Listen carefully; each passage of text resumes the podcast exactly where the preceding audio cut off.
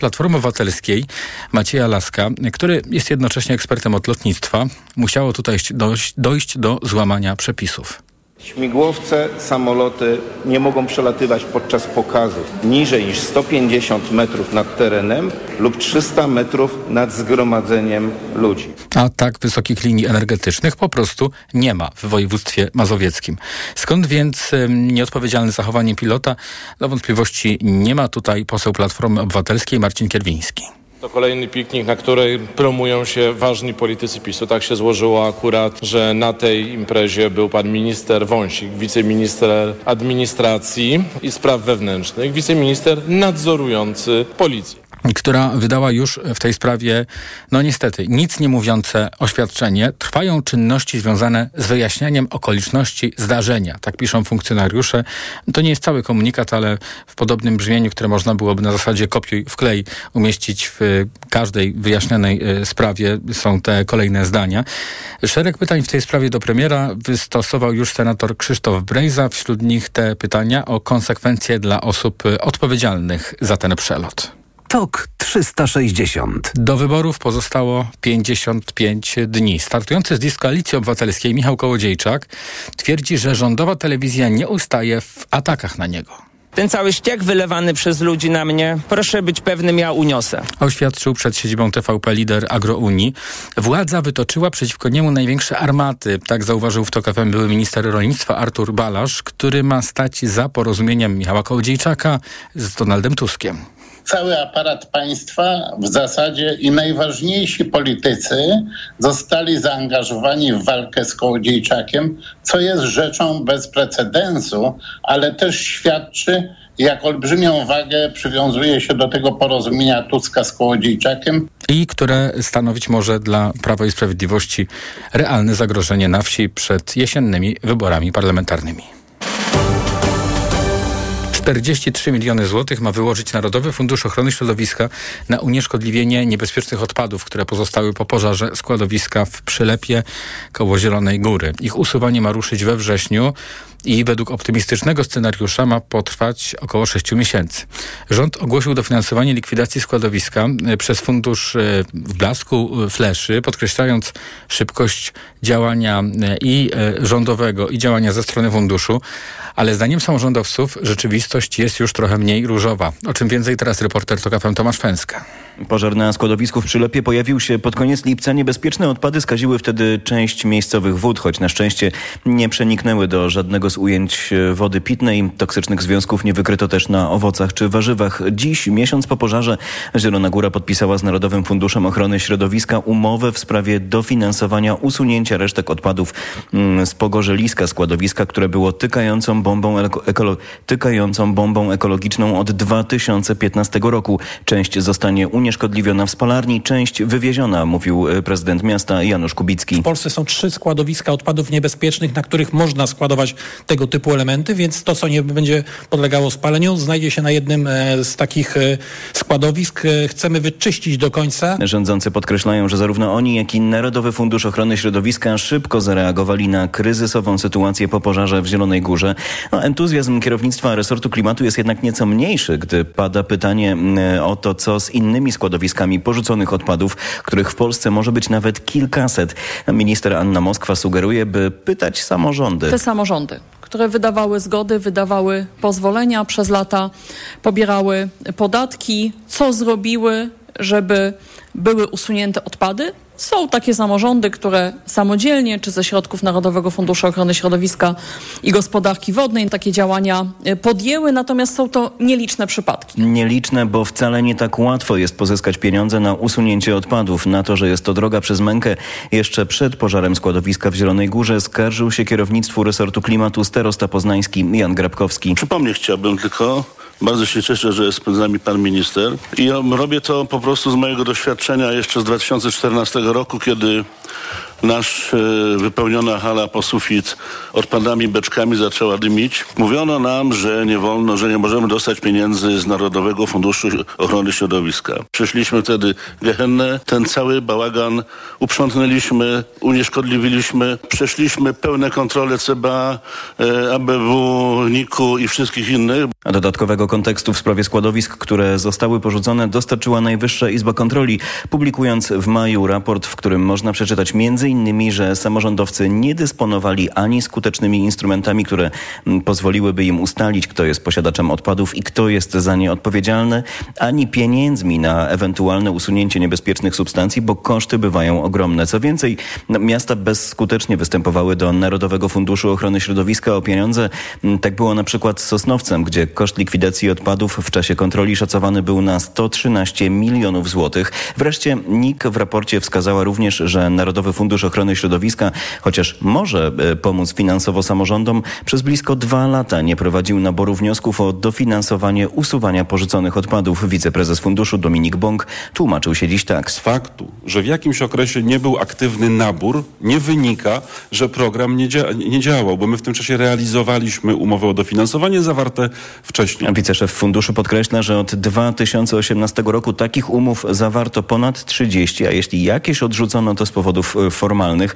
Pytania o to, dlaczego tak trudno jest samorządowcom pozyskać pieniądze z Narodowego Funduszu Ochrony Środowiska, irytują wiceministra klimatu i środowiska Jacka Ozdobę, który mm, zarzuca dziennikarzom niekompetencje, sięga do przepisów ustawy i podobnie jak szefowa resortu Anna Moskwa za problemy z odpadami obwinia samorządy. Podstawowym organem samorządowym, który decyduje o zakresie gospodarki odpadowej jest starosta i jest marszałek i tego się trzymajmy. I trzymajmy się też faktów. Narodowy Fundusz właśnie niemal od ręki dofinansował usunięcie odpadów w Zielonej Górze 43 milionami złotych. Miesiąc po pożarze Ozdoba przekonuje jednak, że to wyjątkowa sytuacja. To, że rząd przystępuje w tak jak w tym wypadku, to tylko dlatego, że dba o środowisko i realizuje zadania, które są związane tylko z dbałością o, o mieszkańców. A to, że trwa kampania wyborcza i zbliża się październikowe głosowanie, na pewno nie miało wpływu, no bo jaki przecież mogłoby mieć. Tomasz Fęskę, TOK FM.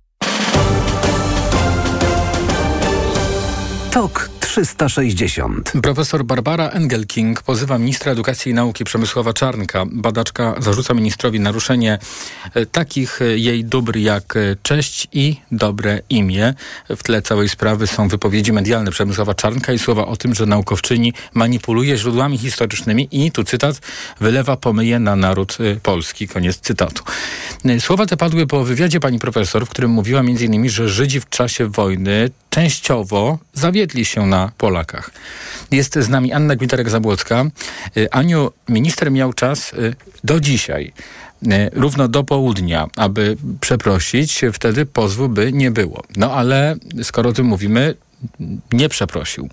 Tak, rzeczywiście pani profesor idzie do sądu z pozwem cywilnym przeciwko Przemysławowi Czarnkowi. To będzie pozew o ochronę dóbr osobistych. Wcześniej wystosowano do pana ministra takie wezwanie do usunięcia naruszenia prawa. Chodziło o to, by przeprosił panią profesor Engelking w miejscu publicznym osobiście przed poecem Staszica, w którym ona pracuje, bo tam mieści się Centrum Badań nad Zagładą Żydów.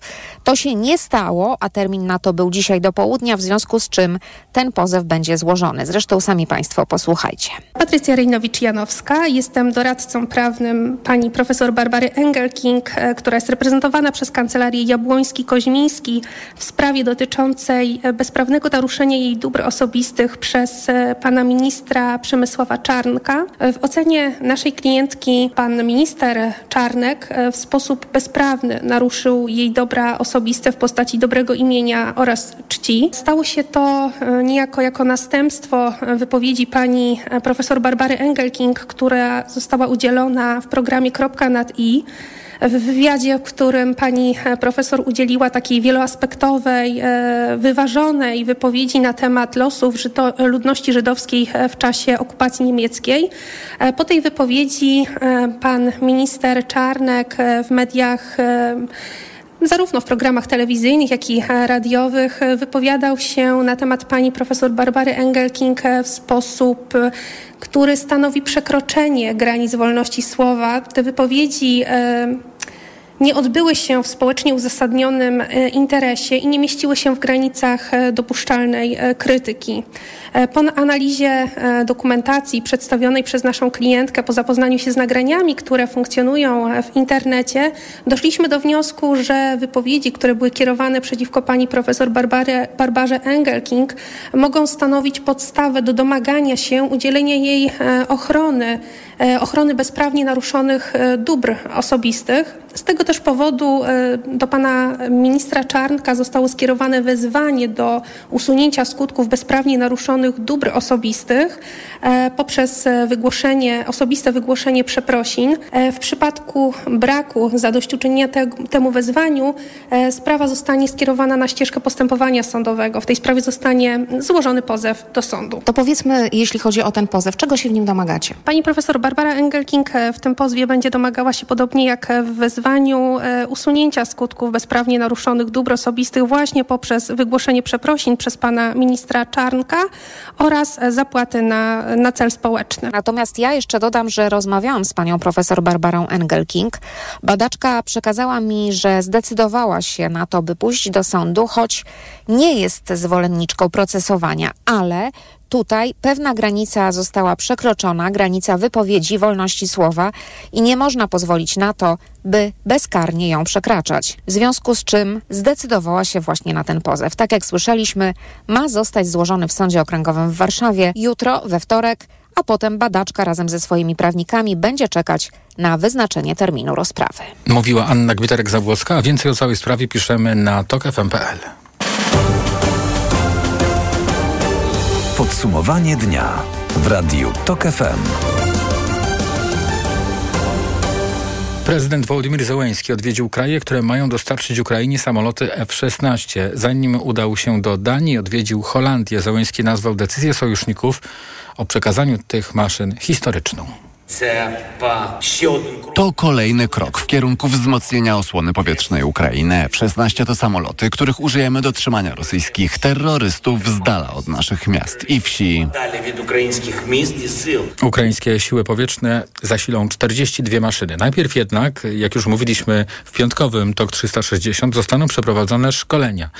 No właśnie, więcej wiemy już na temat tych szkoleń i ich harmonogramie poinformował holenderski premier Mark Rutte. W tej chwili trwa kurs językowy. Chcemy jak najszybciej rozpocząć w Danii szkolenie wojskowe, potem zostanie ono przeniesione do Rumunii. Myśliwce F-16 mogą trafić na ukraińskie niebo na początku przyszłego roku. Niestety ich liczba wciąż nie będzie wystarczająca. Według Rzecznika Ukraińskich Sił Powietrznych Ukraina potrzebuje 128 takich maszyn. Przekazywanie Kijowowi, Kijowowi także innego sprzętu koniecznego do przyspieszenia kontrofensywy idzie jednak powoli. Brytyjski The Economist pisze, że Ukraina dostała dotychczas tylko 60 czołgów Leopard z zapowiadanych, obiecanych do tej pory kilkuset y, czołgów. Wracając jednak do samolotów F-16, o tym dlaczego Dania i Holandia mogą sobie w ogóle pozwolić na przekazanie tych maszyn, mówił w TOK FM Mariusz Cielma z miesięcznika Nowa Technika Wojskowa. Oba te kraje są na etapie przezbrajania w nowsze F-35, czyli dla nich zbędne są te samoloty e, F-16. Holendrzy są już na takim końcowym etapie. W zasadzie została im jedna eskadra e, tych maszyn w takim e, użytku operacyjnym. Natomiast w przypadku Duńczyków oni są trochę mniej zaawansowani, ale faktem jest, że zasoby tych dwóch krajów to jest, no przynajmniej takie liczby się pojawiają, ponad 60 myśliwców. To jest program rozłożony na lata, e, tak można powiedzieć. E, oczywiście perspektywa szkolenia Ukraińców to także jest bardzo rozbudowany program. Ja pamiętam e, taki moment, moment, e, kiedy dwóch ukraińskich pilotów testowo, że tak powiem, przechodziło taki, taki program e, w Stanach Zjednoczonych, gdzie oceniano, ile potrzebują czasu na przynajmniej takie podstawowe opanowanie F-16, no to nieoficjalnie pojawiały się, pojawiało się wtedy, że to termin czterech miesięcy, ale to trzeba zakładać, że to naprawdę bardzo minimalny okres. Zakładam, że raczej może być, może być on dłuższy, co wynika, jak tłumaczył gość Jakuba Janiszewskiego, ze specyfiki wojny w Ukrainie. Tam lata się bardzo nisko, czyli trzeba bardzo dobrze pilotażowo opanować e, samolot, żeby lecieć z nim jak, nim jak najniżej, żeby radary rosyjskie go wykryły jak najpóźniej, bo nawet jak całkiem, no dosłownie czytałem to kilkadziesiąt godzin temu, nawet mogę powiedzieć, mówił dowódca e, ukraińskich sił powietrznych generał Oleszczuk, na każdy samolot ukraiński, który jest wykryty przez Rosjan, startuje kilka do dziewięciu maszyn, maszyn rosyjskich, więc tutaj e, ten kunszt pilota jest kluczowa. Kunszt no, buduje się, nawet można powiedzieć, e, latami. Usłyszeliśmy w audycji połączenie. Ukraińcy wiążą z przyjęciem samolotów F-16 duże nadzieje. Przekazanie maszyn może zmienić losy wojny z Rosją. Realizacja tej decyzji zapewni Ukrainie przewagę w powietrzu na terenach okupowanych przez wroga. Ocenił rzecznik ukraińskiego lotnictwa wojskowego pułkownik Yuri Inchat, Ichnat, a na F-16 szkoli się obecnie 70 ukraińskich wojskowych. Będzie druga tura wyborów prezydenckich w Ekwadorze. Najwięcej, ponad 30% głosów dostała lewicowa kandydatka Luisa González, związana z byłym prezydentem Rafaelem Correrą, który żyje w Belgii, no bo w Ekwadorze skazano go na 8 lat więzienia za korupcję. Niespodziewanie drugie miejsce zajął 35-letni Daniel Noboa, biznesmen syn bananowego potentata, jednego z najbogatszych Ekwadorczyków. Największy problem to bezpieczeństwo, trzeba je poprawić. Mówił mieszkaniec stolicy Ekwadoru, kraju, w którym przed wyborami doszło, przypomnijmy, do kilku zabójstw politycznych. Zamordowano m.in. kandydata na prezydenta Fernanda Villavicencia. Według jego zwolenników został zastrzelony, bo zamierzał wprowadzić wojsko do portów, skąd międzynarodowe kartele chcą eksportować narkotyki. Zapowiadał ostrą walkę z przestępcami i mm, z handlarzami narkotykami, a to Villavicencio y, stoi za skazaniem wspomnianego już polityka Korei, który jest właśnie patronem zwyciężczyni teraz pierwszej tury wyborów e, w Ekwadorze.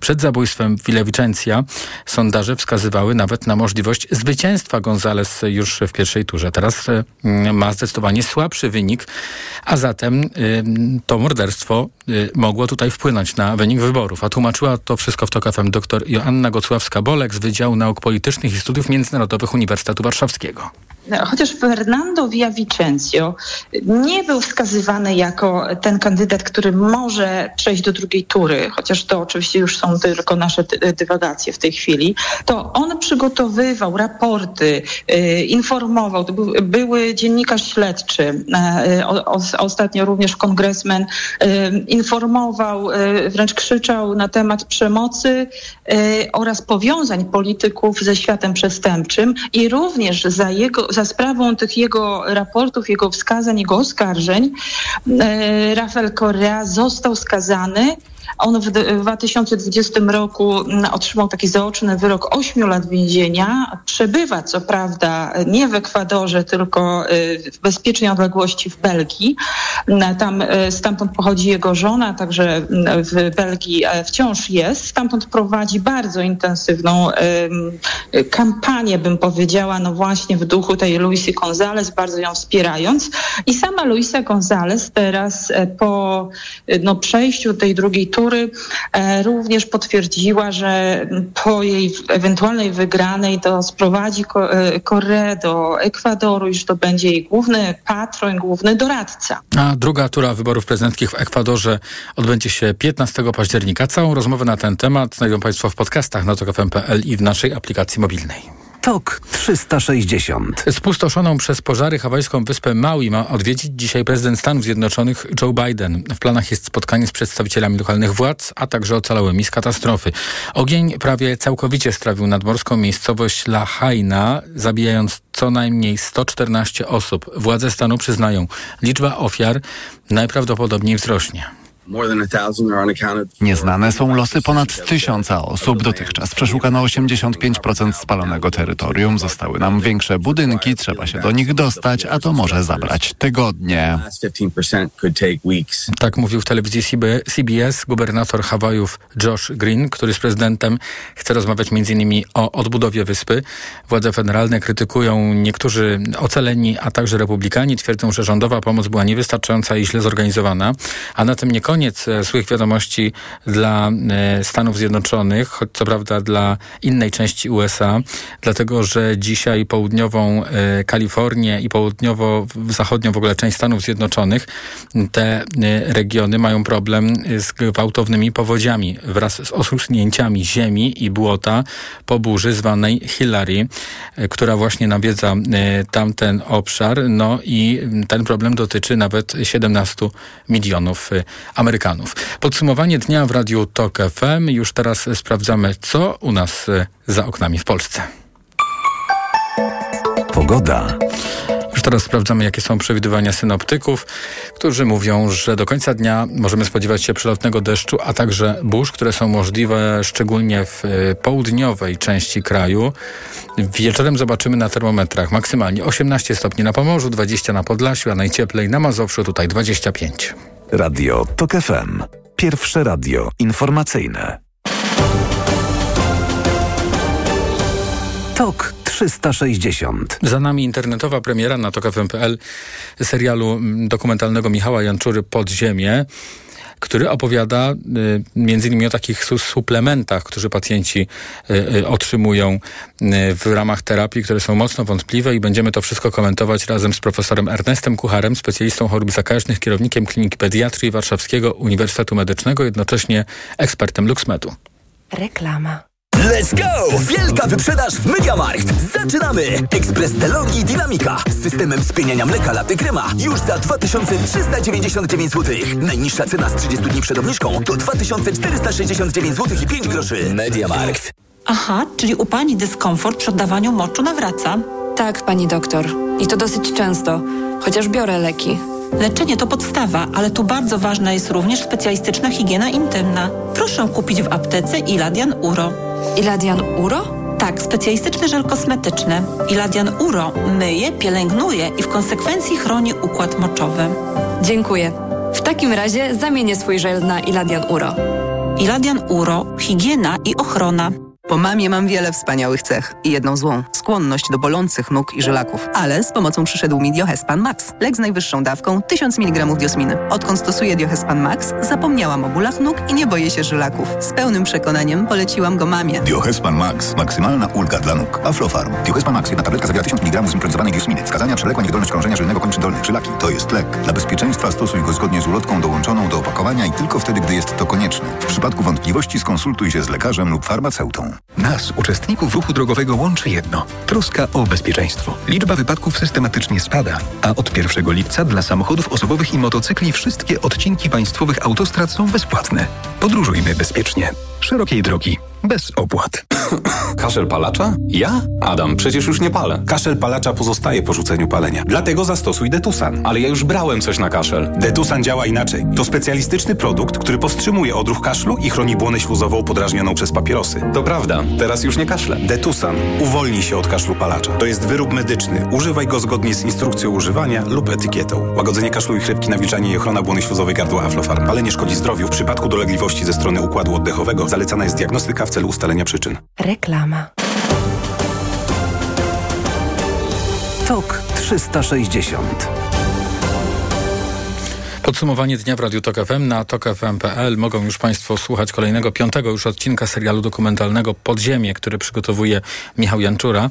W tym najnowszym odcinku opowiadamy o suplementach, którymi handluje się właśnie w tak zwanym podziemiu, czyli no w tym y, podziemiu, w którym działają E, lekarze e, i nie tylko, e, osoby, które oferują taką niekonwencjonalną terapię w leczeniu boleriozy, niepotwierdzoną, kosztowną zarówno w sensie ekonomicznym, jak i zdrowotnym, jak się później okazuje dla pacjentów i przed tym wszystkim przestrzegamy, nie tylko my, także samorząd lekarski. Mowa jest o jednym z twórców takiej terapii zielarzu z Małopolski, który działa handlując tym, co sam wyprodukuje i oferuje nawet coś takiego jak ziołowe szczepionki przeciwko boleriozie.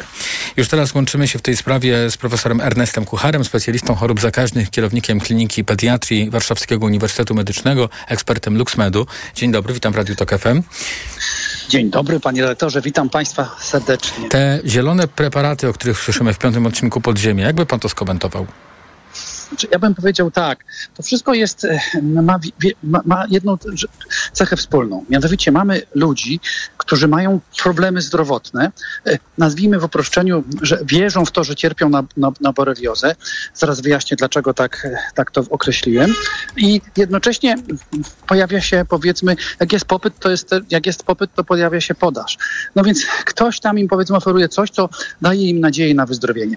Już zacznę od wyjaśnienia, co rozumiem, że uważają, że mają boreliozę. Diagnostyka boreliozy jest trudna i musimy odróżnić bardzo jasno dwie rzeczy. Mianowicie wyleczenie mikrobiologiczne, czyli zabicie przyczyny tego wszystkiego, czyli boreli, od ustąpienia objawów.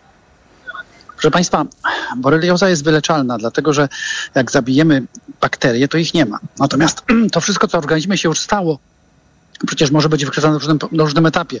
E, większość przypadków boreliozy, jakie widzimy, to jest rumień wędrujący. Tutaj nie ma problemów, nie ma jakichkolwiek następstw. Ale jeżeli zaczniemy leczenie na etapie zapalenia stawów, przewlekłego zapalenia stawu, albo neuroboreliozy, czyli jeśli mówimy już o zajęciu ośrodkowego układu nerwowego, to przecież antybiotyk nie naprawi tego, co choroba zepsuła. W związku z czym ludzie mają dolegliwości. I mm, z jednej strony albo przedłuża się tą terapię antybiotykową, wierząc, że antybiotyk naprawi to, co borelioza zepsuła, co jest zupełnym absurdem, bo antybiotyk takiego działania nie ma. Antybiotyk może zabić drobnoustrój, ale przecież naprawić organizmu nie jest w stanie. No i wtedy, proszę Państwa, e, te przewlekłe dolegliwości skłaniają ludzi do desperackich działań. Jeżeli ktoś mnie by obiecał, powiedzmy, że dolegliwości, które no, z wiekiem każdy z nas ma, ustąpią, będzie się, będziemy się czuć jak powiedzmy 20 czy 30-latek, toż przecież każdy z nas zada sobie pytanie, a dlaczego nie spróbować? Dlaczego by nie spróbować? A może, a nuż pomoże. No i ta nadzieja, e, a z jednej strony może lepiej powiedzieć desperacja, pcha nas do, do, do powiedzmy do zaufania tego typu ofertom, jak na przykład terapia ziołowa, która ma mieć cudowne, cudowne mhm. skutki. Dlaczego właśnie borelioza? Dlaczego y, nie dotyczy to jakichś innych jednostek chorobowych, tylko właśnie tę niszę sobie upatrzyli ci, którzy... A panie y, redaktorze, to mhm. jest bardzo ciekawe pytanie. Już panu powiem. Po, okazuje się, że rozpoznanie choroby Obecnie to jest borelioza, ale nie zawsze tak było.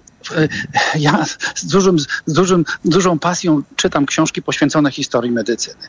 I proszę sobie wyobrazić, że zawsze była choroba, która mm, pełniła rolę takiego, nazwijmy to, mm, wyjścia awaryjnego. Jak nie wiadomo co, to pewnie to. E, to jest wygodne zarówno dla, dla nas lekarzy, jasno to powiedzmy, jak i dla pacjentów. No bo najgorsze, jak ktoś odbija się, powiedzmy, od, szukając pomocy, a nikt nie potrafi nawet nazwać jego schorzenia. E, w XIX wieku tą funkcję pełniło kolitis. Dzisiaj śmiejemy się z tego, dlatego że kolitis, czyli zapalenie jelita, no to można bardzo łatwo zdiagnozować. Mamy badania obrazowe, mamy endoskopię. No, przestało to być, że tak powiem, aktualne. No to mamy boreliozę. No proszę zobaczyć, ktoś przychodzi, skarży się na dolegliwości, które są dość powszechne i niespecyficzne gorsze samopoczucie, osłabienie, poty nocne, e, trudności z koncentracją, e, problemy, e, słaba pamięć. No, proszę zwrócić uwagę, że generalnie wiele chorób, łącznie ze starzeniem się, może prowadzić do tego typu objawów. No i teraz jak to nazwać? A chcemy bez nazwania, nie, nie wiadomo do kogo się zwrócić. I wtedy, jak określimy to nazwą borelioza, bo na przykład wynik będzie dodatni, a przypomnę, że dodatni wynik nie potrafi nam serologii, badania serologicznego odróżnić choroby, która jest obecnie od choroby, którą się przybyło, bo dodatni wynik serologii jest niczym innym jak taką blizną, która pozostaje jeszcze przez kilkanaście, a może i kilkadziesiąt lat po, po, po przebyciu zakażenia, nawet jeżeli zostało skutecznie wyleczone antybiotykiem, y, no to mamy proszę zobaczyć, jakie korzyści. Pacjent ma chorobę, którą ma nazwaną, e, a lekarz ma spokój. Przepraszam, że tak mówię, ale tak, tak jest, bo pacjent, który przychodzi, domaga się powiedzmy, powiedzmy pomocy, a my nie jesteśmy w stanie mu nic zaoferować, jest takim pacjentem, który jest trudny, prawda? No, w dzisiejszej, dzisiejszym systemie ochrony zdrowia nikt takich pacjentów nie chce. Czy... Wszyscy chcą mieć konkretnego pacjenta nazwanego, bo wiadomo wtedy, mhm. jaką procedurę zastosować. Czy ci y, pacjenci, którzy trafiają na, na, na tych ludzi, y, y, których działalność opisujemy, opisuje Michał Janczura właśnie w tym naszym serialu dokumentalnym, czy to jest tak, że po prostu dla nich niewiele już na tym etapie można zrobić i pojawia się ktoś, kto e, mówi tak, ja przepiszę te leki, czy to, czy to antybiotyki, czy to jakieś preparaty Myślę, ziołowe, czy wreszcie tutaj nie, te szczepionki, nie, nie które padają. Tak jest. Mhm. Proszę zwrócić uwagę, że hmm, my jako, jako społeczeństwo się starzejemy, w związku z czym takie dolegliwości swoiste, które wymieniałem poprzednio, występują coraz większego odsetka, odsetka, odsetka społeczeństwa. Biorąc pod uwagę obecny kult młodości, nam jest nieraz bardzo trudno pogodzić się, że w tym wieku 50, 60 czy 70 lat funkcjonujemy już nie tak, jak w wieku lat 20-30 i mm, mówiąc krótko, nazywamy to chorobą. Proszę zwrócić uwagę, że po cichutku gdzieś tam e, tak się stało, że starzenie się stało się chorobą, prawda? No więc chcemy się z tego wyleczyć. Może ze starzenia to nie do końca, bo, bo tutaj powiedzmy medycyna tego niewiele może zaoferować, no ale boreliozę jak najbardziej. E, także ja myślę, że te mm, ci, ci, różni powiedzmy ludzie, których no nie chcę oceniać, prawda, którzy dają nadzieję, nazwijmy to bardzo, bardzo oględnie, wypełniają lukę, której nie zapewnia oficjalna medycyna. Bardzo dziękuję. Profesor Ernest Kuchar, specjalista chorób zakaźnych, kierownik Kliniki Pediatrii Warszawskiego Uniwersytetu Medycznego i ekspert LuxMedu był razem z nami. Kolejny, piąty już odcinek serialu dokumentalnego Podziemie, który opowiada o leczeniu boreliozy w sposób taki, który został już napiętnowany przez środowisko lekarskie. Do y, usłyszenia po godzinie 20 w mikrofonie Radia Tok FM. Na ten odcinek zaprasza autor tego serialu, Michał Janczura, który z Państwem będzie też, będą Państwo mieli okazję z nim podyskutować po emisji tego odcinka e, w ramach audycji Mikrofon Radia Tok FM. A e, ci z Państwa, którzy już teraz chcieliby posłuchać tego odcinka, to jest oczywiście dostępny na stronie tokfm.pl. Już e, za chwilę będziemy rozmawiali o spotkaniu, które powinno się zacząć za około pół godziny w Atenach, które będzie dotyczyło rozszerzenia Unii Europejskiej. Moją i Państwa gościnią będzie dr Anna Skrzypek z Fundacji Europejskich Studiów Progresywnych w Brukseli. Reklama. Lato to słońce, upał i dużo ruchu na świeżym powietrzu. Upały to nie są żarty. Osłabienie, ciągłe pragnienie i brak energii wraz z potem możesz stracić cenne elektrolity i minerały. Potrzebujesz orzeźwienia. Litorsal. Suplement diety nawadnia, szybko gasi pragnienie, utrzymuje prawidłowy poziom płynów i elektrolitów podczas upałów i wysiłku fizycznego. Litorsal. Dostępny w aptekach. Zdrowit. Pani dietetyk, czy osoby starsze powinny nawadniać organizm tylko podczas upałów? U seniorów nawet ciepły dzień to duże ryzyko odwodnienia. Co w takim razie pani zaleca? Codzienne stosowanie elektrolitów Hydrooptima Senior. Suplement diety Hydrooptima Senior ma niską zawartość sodu i glukozy, co ma znaczenie dla osób z nadciśnieniem i podwyższonym poziomem cukru. Dodatkowo Hydrooptima Senior zawiera wyciąg z vitis vinifera wspomagający krążenie. Hydrooptima Senior? To skuteczne i bezpieczne nawodnienie organizmu osób starszych. Aflofarm. Znów mam infekcję intymną. Ja to mam pH. Tak, możesz mieć za wysokie pH pochwy, co sprzyja infekcjom. Zastosuj Iladian Direct Plus. Iladian Direct Plus przywraca i utrzymuje fizjologiczne pH pochwy, dzięki czemu zapobiega nawrotom infekcji. Iladian Direct Plus. Zapomnij o infekcjach intymnych. Pomocniczo w leczeniu oraz w profilaktyce bakteryjnego, grzybiczego lub mieszanego zapalenia pochwy, w łagodzeniu suchości i uczucia napięcia błony śluzowej pochwy. Aflofarm to jest wyrób medyczny. Używaj go zgodnie z instrukcją używania lub etykietą. Tak smakuje świat. Już w tym tygodniu w Lidlu. Kierunek Włochy. Sosy i przeciery pomidorowe już od 4,99. A ser mascarpone tylko 9,99 za opakowanie aż 500 gramów. Dla takich smaków zakupy robię w Lidlu. Lidlu. Ła! Nagły ból w jamie ustnej podczas jedzenia? To najczęściej afty lub drobne urazy. Sięgnij po sprawdzone rozwiązanie. Dezaftan. Po pierwsze, Dezaftan wspomaga leczenie dolegliwości, szybko niwelując ból. Po drugie, zabezpiecz aftę przed podrażnieniami. To dzięki podwójnemu działaniu. Dezaftan jest tak skuteczny. Dezaftan. Podwójnie skuteczny na afty. To jest wyrób medyczny. Używaj go zgodnie z instrukcją używania lub etykietą. Afty, aftowe zapalenie jamy ustnej, pleśniawki, urazy spowodowane przez aparaty ortodontyczne i protezy. Aflofarm. Spędź urlop tam, gdzie każdy znajdzie coś dla siebie. Wybierz Dolny Śląsk i odpoczywaj jak lubisz. Najwięcej zabytków, zamków, pałaców oraz uzdrowisk. Majestatyczne góry, tajemnicze podziemia, różnorodne trasy rowerowe. Zapraszam. Cezary Przybylski, marszałek województwa dolnośląskiego. Problemy ze snem dotykają coraz więcej osób. Dlatego warto umieć sobie z nimi radzić. Zawarta w suplemencie diety Positivum Sen melatonina ułatwia szybsze zasypianie, a wyciąg z szyszek chmielu pomaga zachować spokojny sen. Positivum Sen. Polecam. Ewa Gawryluk. Aflofarm. Super promocja w Stokrotce. Masło ekstra łaciate 2,99 za kostkę przy zakupie innych produktów za minimum 69 zł.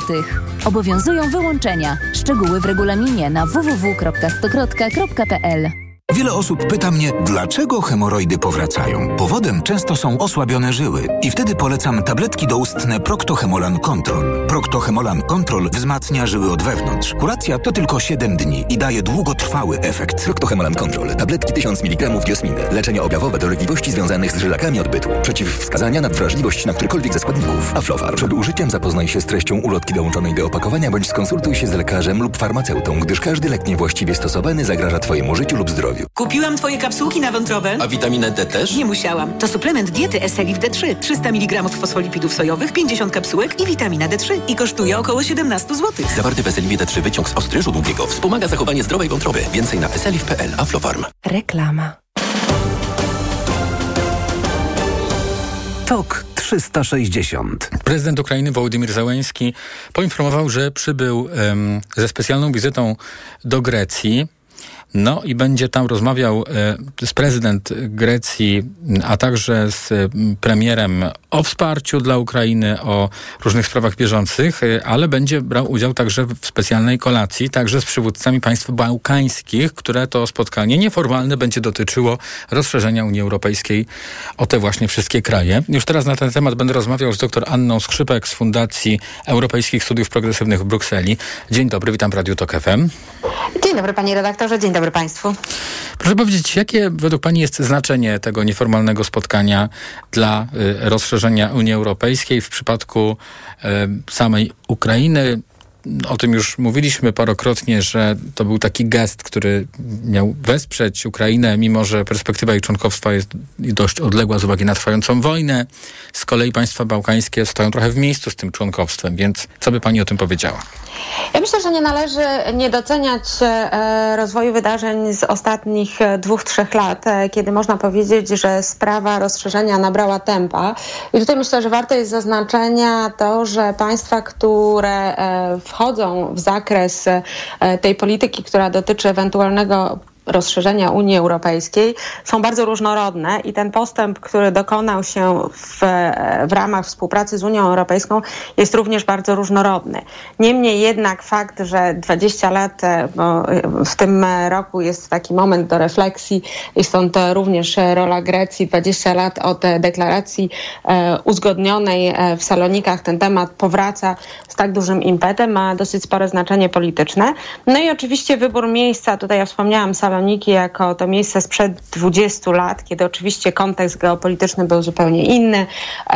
Było to wtedy w przededniu wielkiego historycznego rozszerzenia, które Unia postrzega jako ten taki moment rekoncyliacji pomiędzy wschodem i zachodem, kiedy tak dużo nadziei było również, jeśli chodzi o Bałkany, które dopiero co wyłaniały się z tego okresu takiego dramatycznego, wojennego okresu.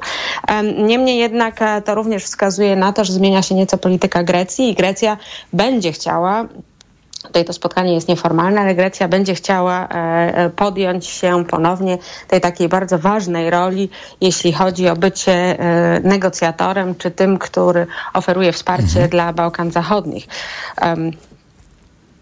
Pan redaktor chciał zadać pytanie, tak, bo tak Z punktu widzenia naszego polskiego i naszej akcesji, to wydawało się zdecydowanie szybciej niż w przypadku państw bałkańskich. Nie wiem, czy pani tutaj się ze mną, ze mną zgodzi. I chciałem zapytać, co oni mogą przy tym stole ustalić dzisiaj? To znaczy, po pierwsze, y, czy było szybciej, czy było wolniej? Panie redaktorze, no jest jednak tak, że z każdego rozszerzenia Unii Europejskiej wyciągane są wnioski i ten proces rozszerzenia Unii Europejskiej w 2004 roku, który objął między innymi Polskę, ten historyczny proces, jest również postrzegany przez Unię Europejską w kategoriach tego, e, na ile e, zwieńczył go sukces i jakie wnioski należy wyciągnąć z tego, że dzisiaj e, tak wiele jest dyskusji pomiędzy niektórymi państwami Unii Europejskiej, takimi jak Polska czy Węgry, a samą Unią Europejską. Europejską. No i tym samym ten proces kolejnego rozszerzenia i tutaj e, i ta deklaracja z Salonik, ale również cały proces, który w tej chwili zakłada wielo, wielostopniowe negocjacje z państwami ewentualnymi członkowskimi e, jest również odzwierciedleniem e, tego, jak bardzo dużo uwagi Unia Europejska przykłada do procesu negocjacji i procesu akcesji. Tym samym jednak nie należy e, nie dostrzegać czy nie doceniać zaangażowania Unii Europejskiej, jeśli chodzi o procesy, które mają na celu stabilizowanie regionu, które odbywają się niezależnie od tego, gdzie dane państwa są, na jakim etapie są w procesie akcesji sukcesji, roli Unii Europejskiej, jeśli chodzi o tutaj tego aktora politycznego, który stara się wspomagać rozwiązywanie konfliktów.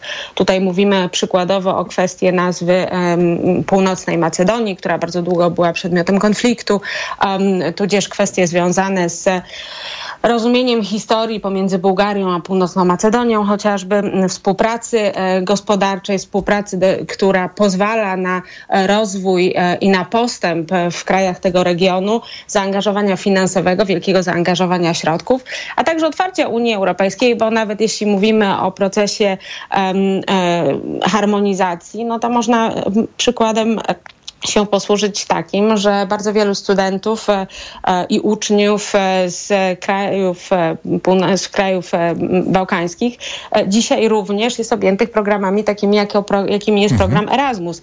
Więc nie mówimy o pustych deklaracjach, mówimy o procesie, który no, posuwa się może nie z dnia na dzień, no ale jest jakimś procesem, który posuwa się naprzód. Ale celem jest y, członkowstwo. Jestem ciekaw, jak to w przypadku y, Ukrainy wygląda i czy Ukraina tutaj, mimo trwającej wojny, jakieś osiągnęła sukcesy i rzeczywiście realnie się przybliżyła, czy też y, y jest to takie po prostu kolejne spotkanie bez większego znaczenia? To, to, to jest pierwsze pytanie o Ukrainę i chciałem, żeby pani jednocześnie powiedziała, czy wśród państw bałkańskich y, możemy wyróżnić jakiegoś prymusa w tym dążeniu?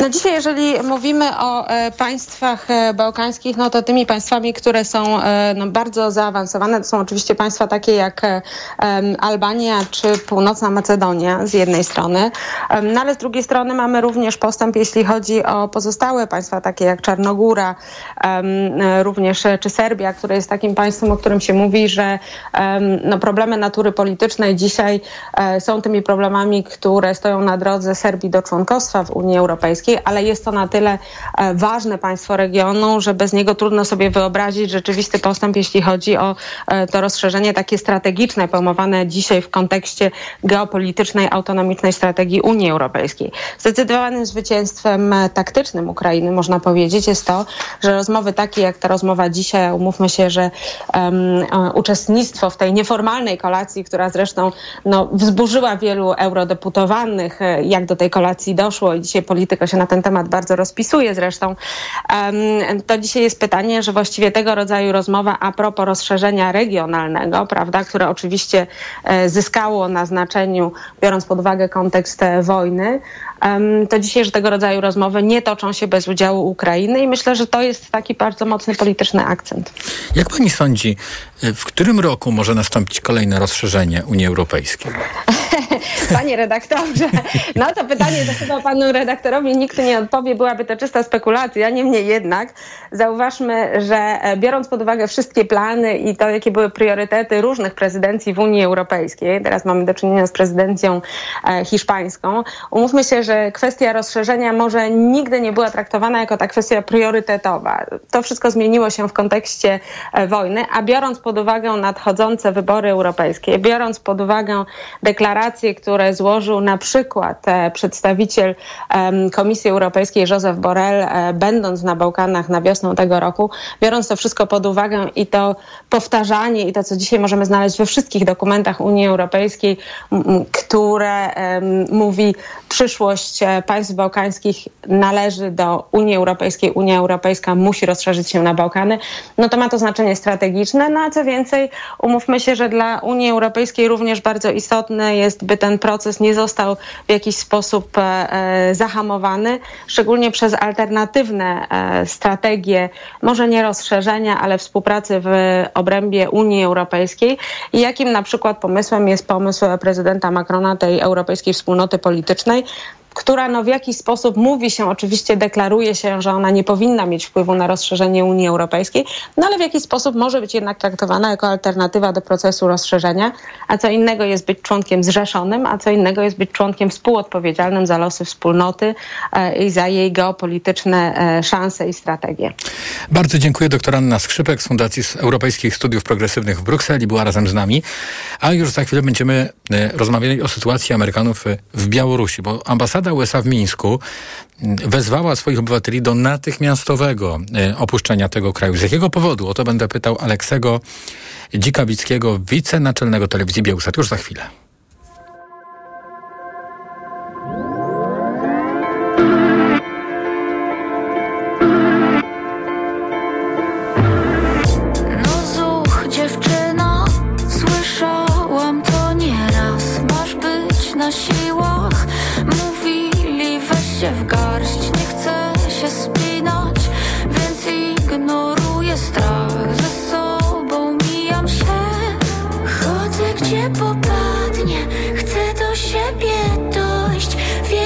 Czym to pachnie? Znaleźć jakiś schron Wierzysz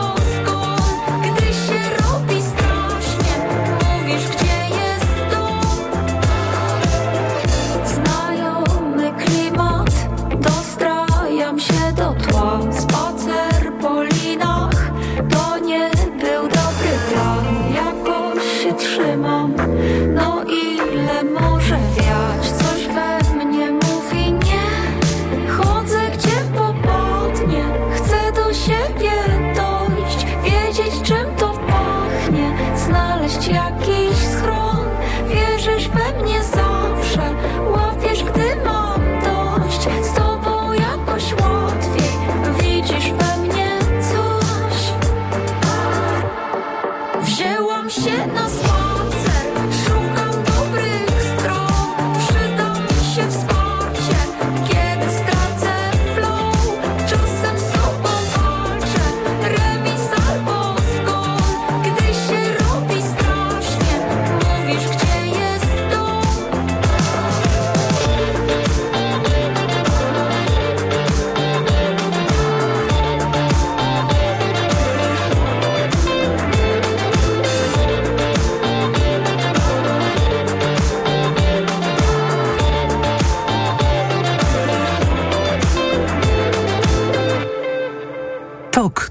360.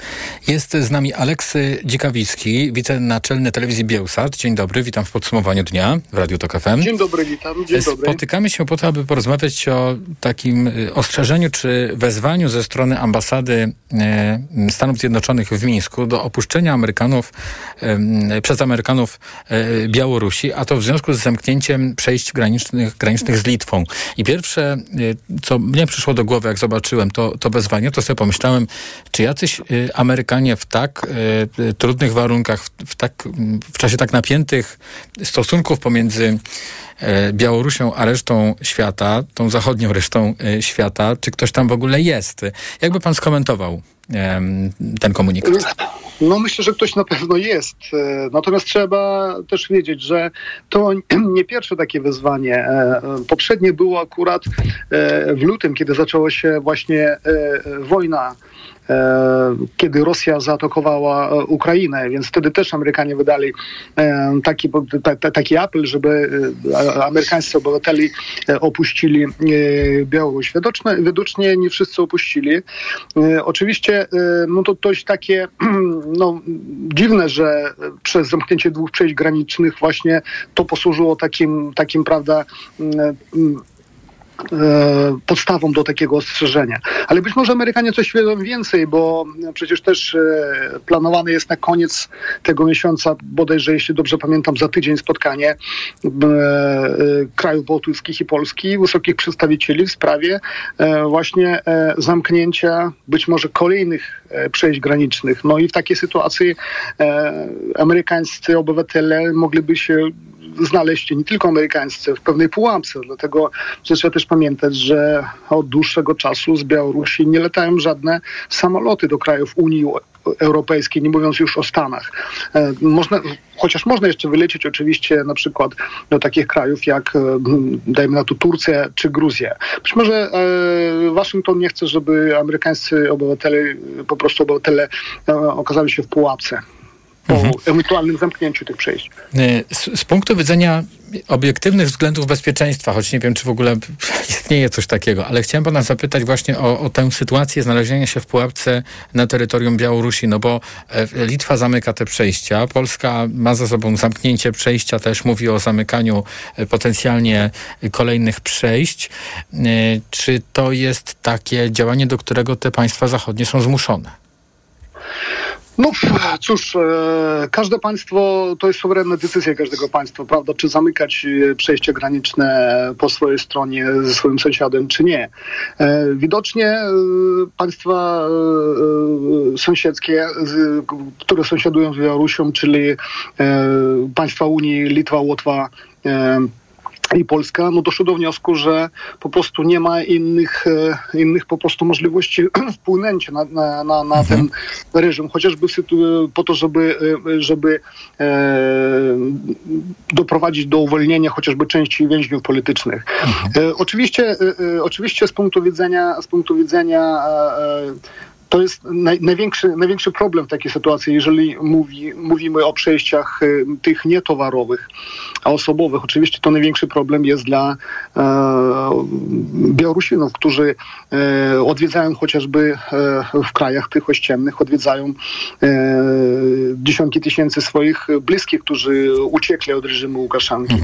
No, a jeżeli chodzi o przejścia towarowe, to nie wiem, czy, to, to czy takie zamknięcie w ogóle wchodzi w rachubę, bo pamiętajmy, że e, jeżeli mówimy o Chinach, to e, około 80% e, e, całego tego eksportu e, drogą kolejową chińskiego eksportu idzie przez Białoruś i przez Polskę. E, m, Myślę, że e, łatwo sobie wyobrazić, że tak ogromny eks- eksporter jak Chiny, no to ogromne ilości tych różnych towarów, które idą e, do Unii Europejskiej. Chiny będą bardzo, to bardzo niezadowolone z tego. Nie przez przypadek, myślę, e, w zeszłym tygodniu Mińsk właśnie, e, Mińsk odwiedził minister obrony Chin. No jednak Chiny to ogromny kraj i minister obrony od tak po prostu e, nie lata do jakiegoś tam Łukaszenki. Chciałem pana zapytać o sytuację Amerykanów y, w Białorusi. Czy pan y, osobiście słyszy o tym, żeby ktoś reprezentujący USA, no chyba nie turystycznie, no te, też powiedzmy, jakiego rodzaju to mogą być pobyty w tej chwili, jeśli coś wiemy na, na, na ten temat.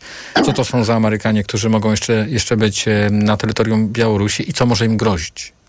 No być może to są organizacje międzynarodowe, na przykład ONZ na razie przecież jeszcze ma przedstawicielstwo na Białorusi, czy jakieś inne organizacje. Natomiast e, nie, znamy statystyk, no przynajmniej ja takich statystyk nie znam, ale wiem, że e, e, ilość cudzoziemców cały czas się oczywiście zmniejsza na terenie stale przebywających na terenie Białorusi. No chociażby ambasada amerykańska, no wiadomo, że teraz praktycznie zostaje, no zostanie praktycznie zamknięta, nie będzie nawet charge de l'affaire. Więc e, w takiej sytuacji no, myślę, że trochę jest nierozsądne, żeby zostawać na terenie Białorusi. Zresztą Li, Li, Litwa e, oficjalnie wytłumaczyła, że, że właśnie zamknęła e, swoje dwa przejścia, żeby po prostu Litwini jak najmniej jeździli na Białoruś, bo to niebezpieczne. Po prostu mogą zostać zatrzymani i później wyko- wykorzystywani jako zakładnicy. A jeśli chodzi o Amerykanów na, na terytorium Białorusi, czy, czy pan myśli, że sam fakt posiadania amerykańskiego obywatelstwa jest powodem, dla którego można być zamkniętym?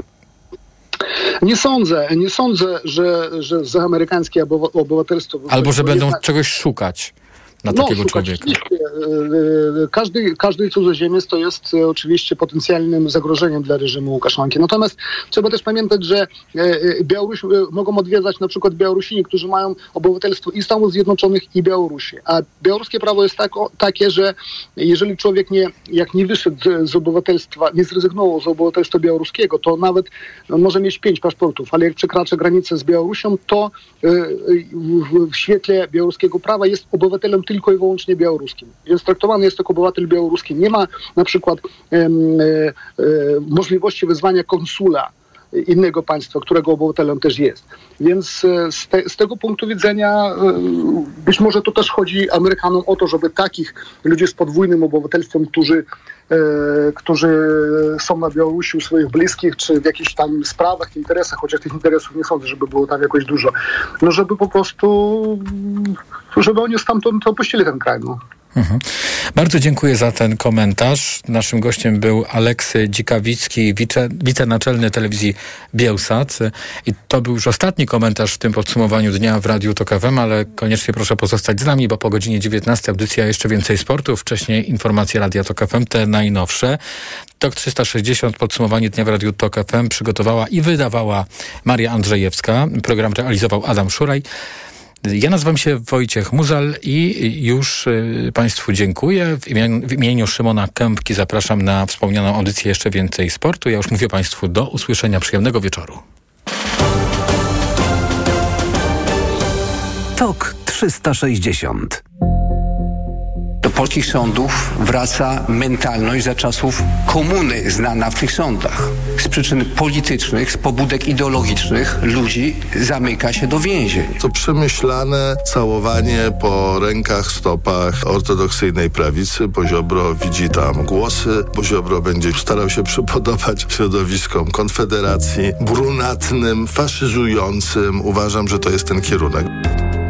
Jeżeli można mówić o rozboju, to ofiarą rozboju padła Marika, którą okradziono z wolności i używano przemocy sądowej po to, aby wsadzić do więzienia. Ta sprawa stała się obiektem politycznego paliwa, podczas gdy sąd orzekał na podstawie przepisów kodeksu karnego. Radio TOK FM. Pierwsze radio informacyjne. Posłuchaj, aby zrozumieć. Reklama. Let's go! Wielka wyprzedaż w Mediamarkt. Zaczynamy! Odkurzacz bezprzewodowy Dyson V8 Extra z wybranym zestawem akcesoriów tylko za 1499 zł. W tę niedzielę jesteśmy otwarci. Mediamarkt. A co polecasz na uczucie pełności? Trawisto. Ciężkość na żołądku. Trawisto. Gazy. Trawisto. Suplement diety Trawisto zawiera wyciąg z owoców kopru, który wspomaga trawienie i eliminację nadmiaru gazów. Aflofarm. Nas, uczestników ruchu drogowego, łączy jedno – troska o bezpieczeństwo. Liczba wypadków systematycznie spada, a od 1 lipca dla samochodów osobowych i motocykli wszystkie odcinki państwowych autostrad są bezpłatne. Podróżujmy bezpiecznie.